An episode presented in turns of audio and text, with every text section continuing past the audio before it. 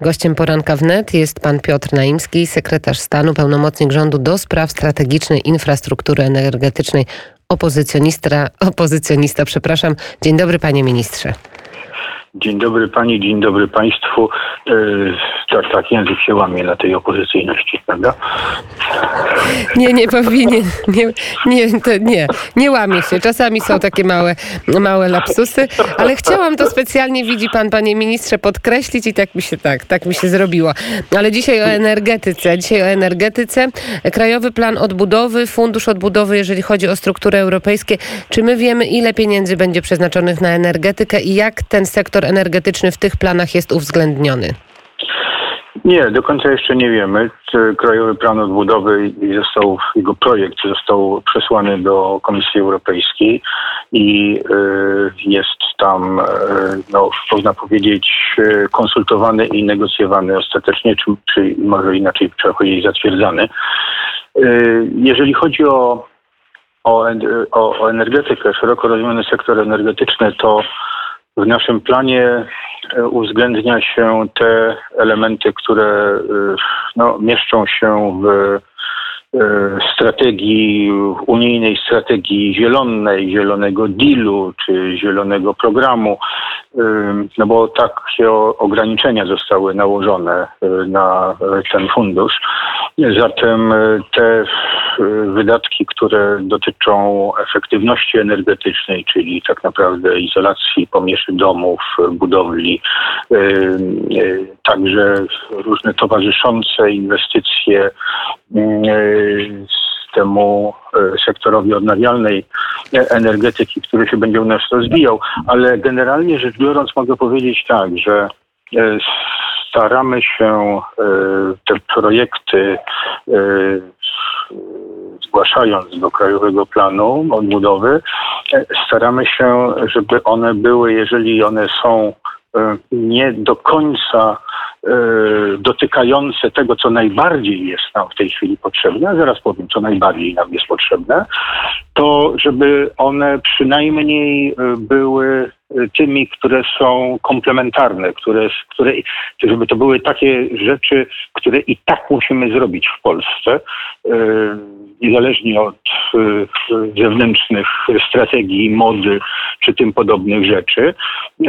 I no i mam nadzieję, że to tak właśnie, że to tak właśnie będzie, że te pieniądze będą po prostu racjonalnie wydawane.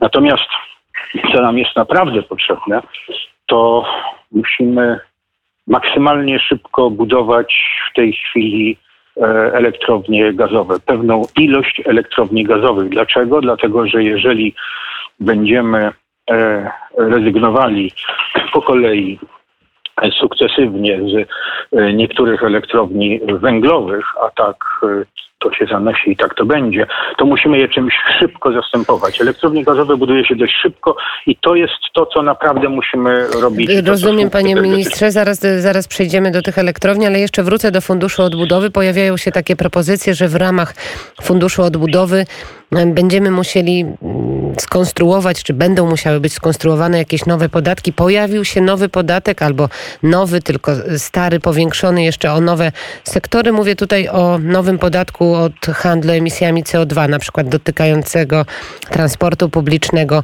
czy innych dziedzin naszego życia. Jak pan się odnosi do takich pomysłów?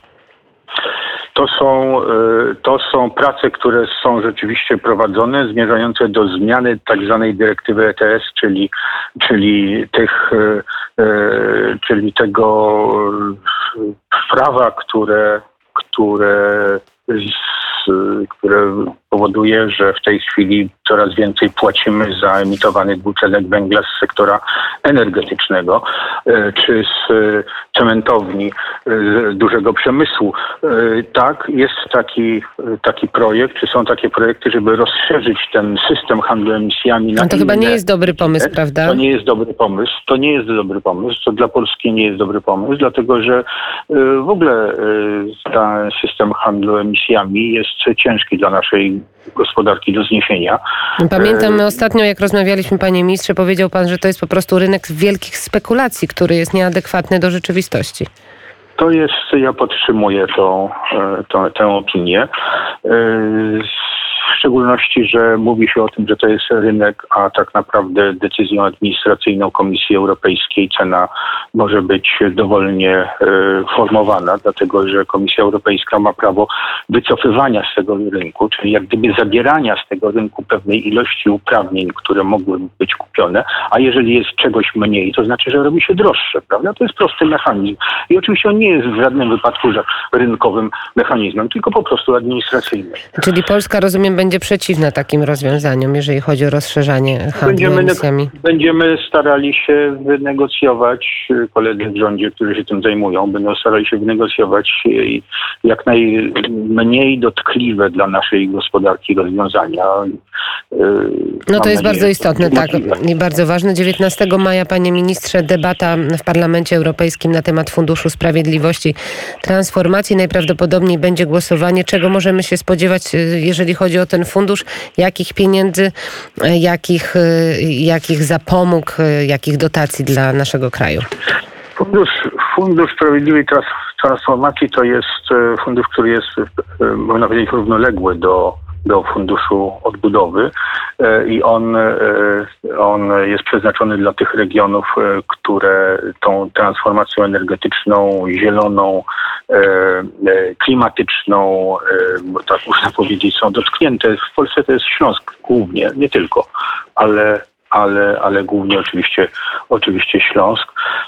No i, i tam toczy się debata ona między innymi dotyka tego mm, problemu, czy mm, te y, wielkość tych, y, tych możliwych wypłat będzie uzależniona od uznania przez każdy kraj członkowski celu 20, 2050 roku jako zeroemisyjny czy to jest realny plan do zrealizowania, panie ministrze? To jest moment. W tej chwili jest tak, że ten cel jest przyjęty na poziomie Unii Europejskiej i nie ma e, e, nie ma konieczności potwierdzenia tego na poziomie e, krajowym. To jest spór i jak on będzie rozwiązany, to jeszcze nie jest powiedziane, ale między innymi Parlament Europejski nad tym też debatuje. Powiedział pan, panie ministrze, o tym, żebyśmy inwestowali w elektrownie gazowe, a może jednak rozwiązaniem powinny być elektrownie wodorowe, panie ministrze, bo wiemy, że już w wielu krajach te elektrownie wodorowe zaczynają funkcjonowanie. Mówię między innymi o Japonii, tak samo Wielka nie, nie, nie, Brytania, pani Norwegia. Pani, pani, redaktor, znaczy ja wiem, ja, ja nawet wiem, co pani przeczytała przed naszym spotkaniem. E, ja też to czytałem. E, I ta eksperymentalna elektrownia wodorowa, która jest konstruowana w Japonii, to jest jedyna na świecie w tej chwili. Owszem, są takie miejsca, jak pani wymienia, Norwegia między innymi, e, które myślą o tym, żeby wodór w ten sposób e, zastosować czy, czy używać, ale to jest naprawdę bardzo daleka przyszłość. Ale dlaczego, panie ministrze? Tym, dlatego, że, dlatego, że technologia jest absolutnie nową technologią. Jeżeli okaże się efektywna, to wtedy będzie szerzej mogła być zastosowana komercyjnie. E, I e, wydaje się, że dla Polski rozwiązanie rozwiązaniem nie jest w tej chwili e, skupianie się na elektrowniach wodorowych, które być może w następnej dekadzie, nie w lat 20., tylko może 30. będą dostępne. Natomiast na tym, co trzeba zrobić dzisiaj. Otóż dzisiaj dostępne i względnie tanie są elektrownie gazowe. To jest paliwo przejściowe, jak się mówi w Unii Europejskiej, ale ta przejściowość będzie długo trwała i my tego potrzebujemy. My dla ale... zachowania mhm. bezpieczeństwa energetycznego, czyli, czyli ilości takiej produkowanego prądu w Polsce, żeby zapewnić polskie potrzeby, musimy mieć te elektrownie szybko. I ja to powtarzam i nie odstępuję od tego i to jest dość oczywista historia. One muszą być zbudowane w tej dekadzie i to, i to rzeczywiście sprawnie. Natomiast w następnej dekadzie, lat 30., będą uzupełniane e, te możliwości produkcji e, niezależnie od wiatru, słońca, pory dnia elektrowniami jądrowymi. W Polsce. Natomiast Szymon, wodór, panie, panie, panie ministrze, wodór tak, wodór. Jest, wodór jest, wodór jest, widzi pani, modny. Pani też mnie pyta, bo taka jest moda. Ale nie jest moda. Panie ministrze, Szymon, Szymon Byliński, dyrektor Departamentu Elektromobilności i Gospodarki właśnie wodorowej w Ministerstwie Klimatu i Środowiska, mówi wyraźnie, że rząd pracuje nad tymi rozwiązaniami na rzecz badań rozwoju programów tych pilotażowych o, i, i jest, na rzecz gospodarki wodorowej, więc te środki z Krajowego Planu Odbudowy też mają służyć na te, na te rozwiązania, więc może jest... warto spojrzeć na wodór, panie ministrze, skoro emisja CO2 przy wodorze jest zerowa. Jest, ale dla, czy pani ze mną przeprowadza rozmowę, czy ja, czy, czy, czy ja mogę coś powiedzieć? Proszę pan, tak, panie ministrze. Okej. Okay. Otóż e, w Ministerstwie Klimatu i Środowiska są oczywiście prowadzone prace nad pilotoważ, piloto, pilot, piloto, mnie się też język. Pilotażowych, tak, pilotażowe, tak. tak, rozwiązaniami e, związanymi z zastosowaniem wodoru. To jest oczywiste, dlatego że wodór ma zastosowanie, które już są, e, można powiedzieć, praktyczne, głównie w transporcie. E, i nie przypadkiem elektromobilność wiąże się z zastosowaniem wodoru, ogniw wodorowych i to jest oczywiście ten sektor czy ten, ten zakres, gdzie ta gospodarka wodorowa, prawda, oparta na wodorze, może mieć zastosowanie bezpośrednie i to już dzisiaj. I to widzimy i tym się zajmujemy i na to pieniądze w Krajowym Planie Odbudowy, owszem, takie projekty są tam przeznaczone. Natomiast jak jeżeli pani mnie pyta o elektrownię wodorową, to ja odpowiadam, jak odpowiedziałem i podtrzymuję to.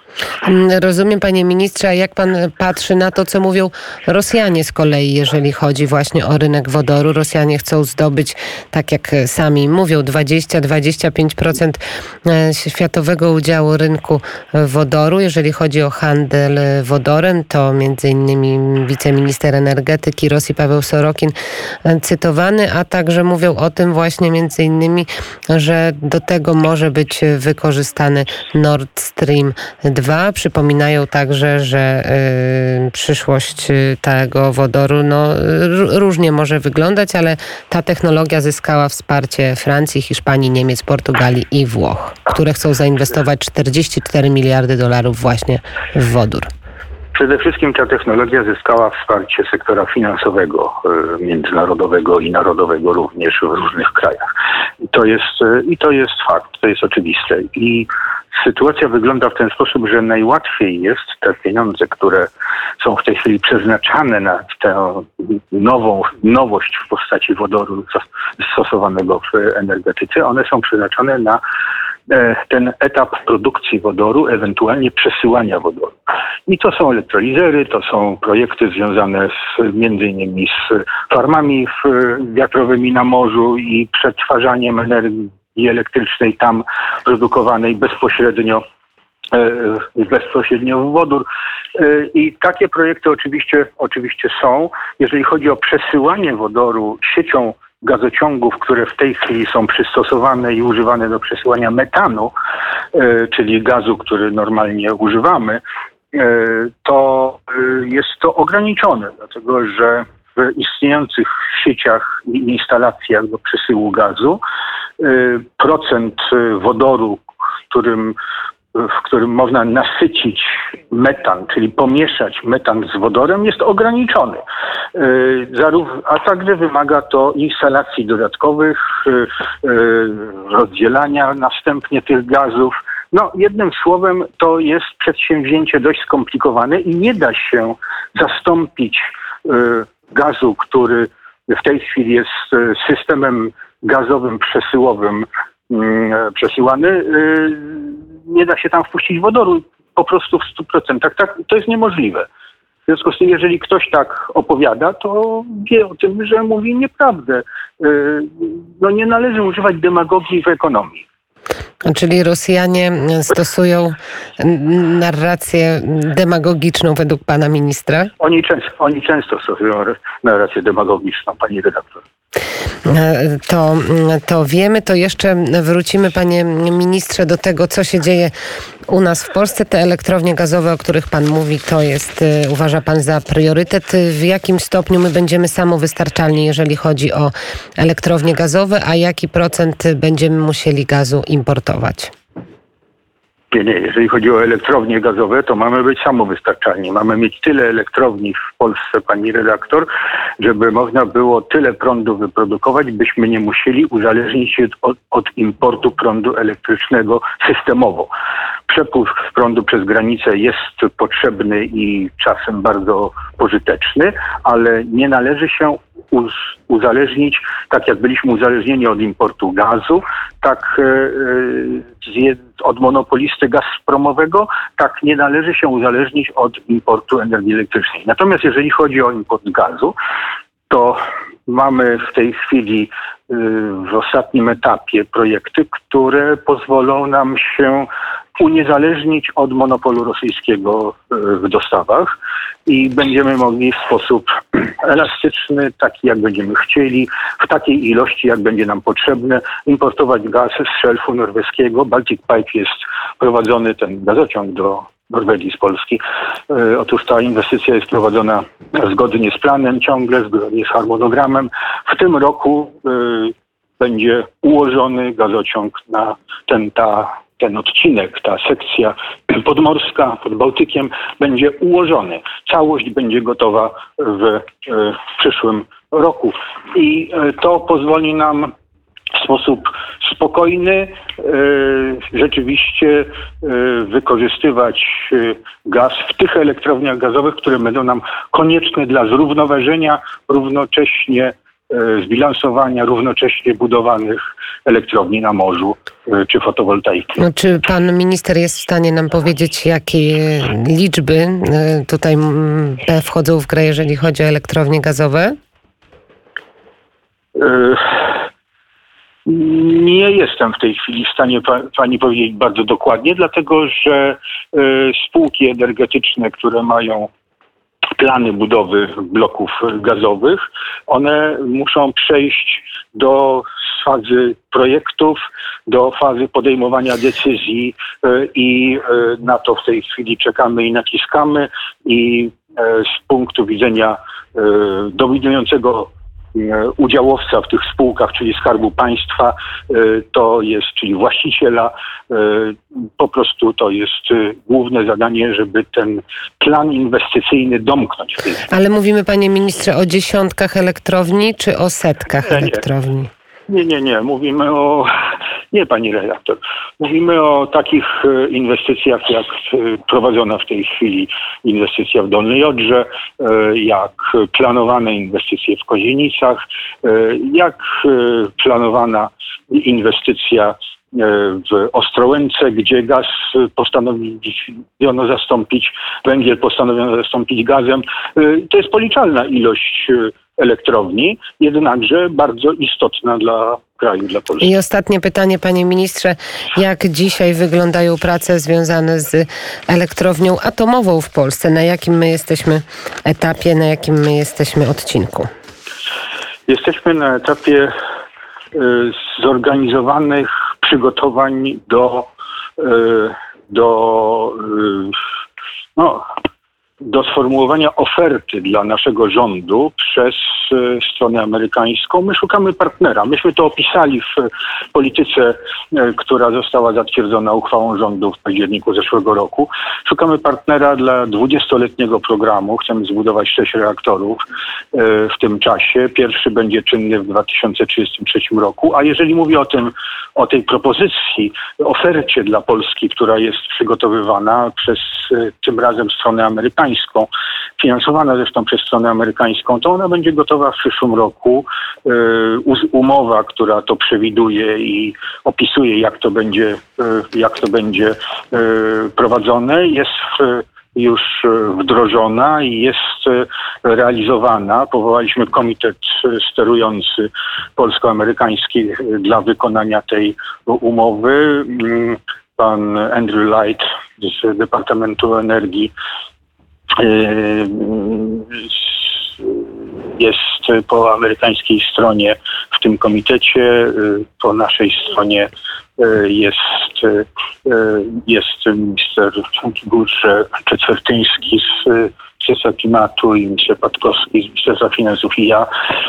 I ten i, i spółka y, EJ1 po naszej stronie, która została przekształcona, jest w tej chwili spółką stuprocentową Skarbu Państwa pod nadzorem y, pod nadzorem pana premiera, który y, wyznaczył czy poprzez y, rozporządzenie odpowiednie rządu wyznaczył pełnomocnika do spraw infrastruktury energetycznej do nadzoru nad tą spółką. E, I y, można powiedzieć, że weszliśmy y, od momentu pewnej reorganizacji do, do, do fazy y, praktycznych przygotowań, a ostateczne decyzje co do wyboru partnera, bo, bo, bo, bo czy to będą firmy amerykańskie, czy to może jakieś inne, to Kiedy będziemy poznamy, decydowali. tak, przyszłym To roku. będziemy, to będziemy decydowali w przyszłym roku. Dziękuję. Pan Piotr Naimski, pełnomocnik rządu do spraw strategicznej infrastruktury energetycznej. Bardzo dziękuję za rozmowę. Dziękuję bardzo. 8.32, a my już teraz dzwonimy do y, europosłanki. Za kilka chwil łączymy się z panią Elżbietą Rafalską.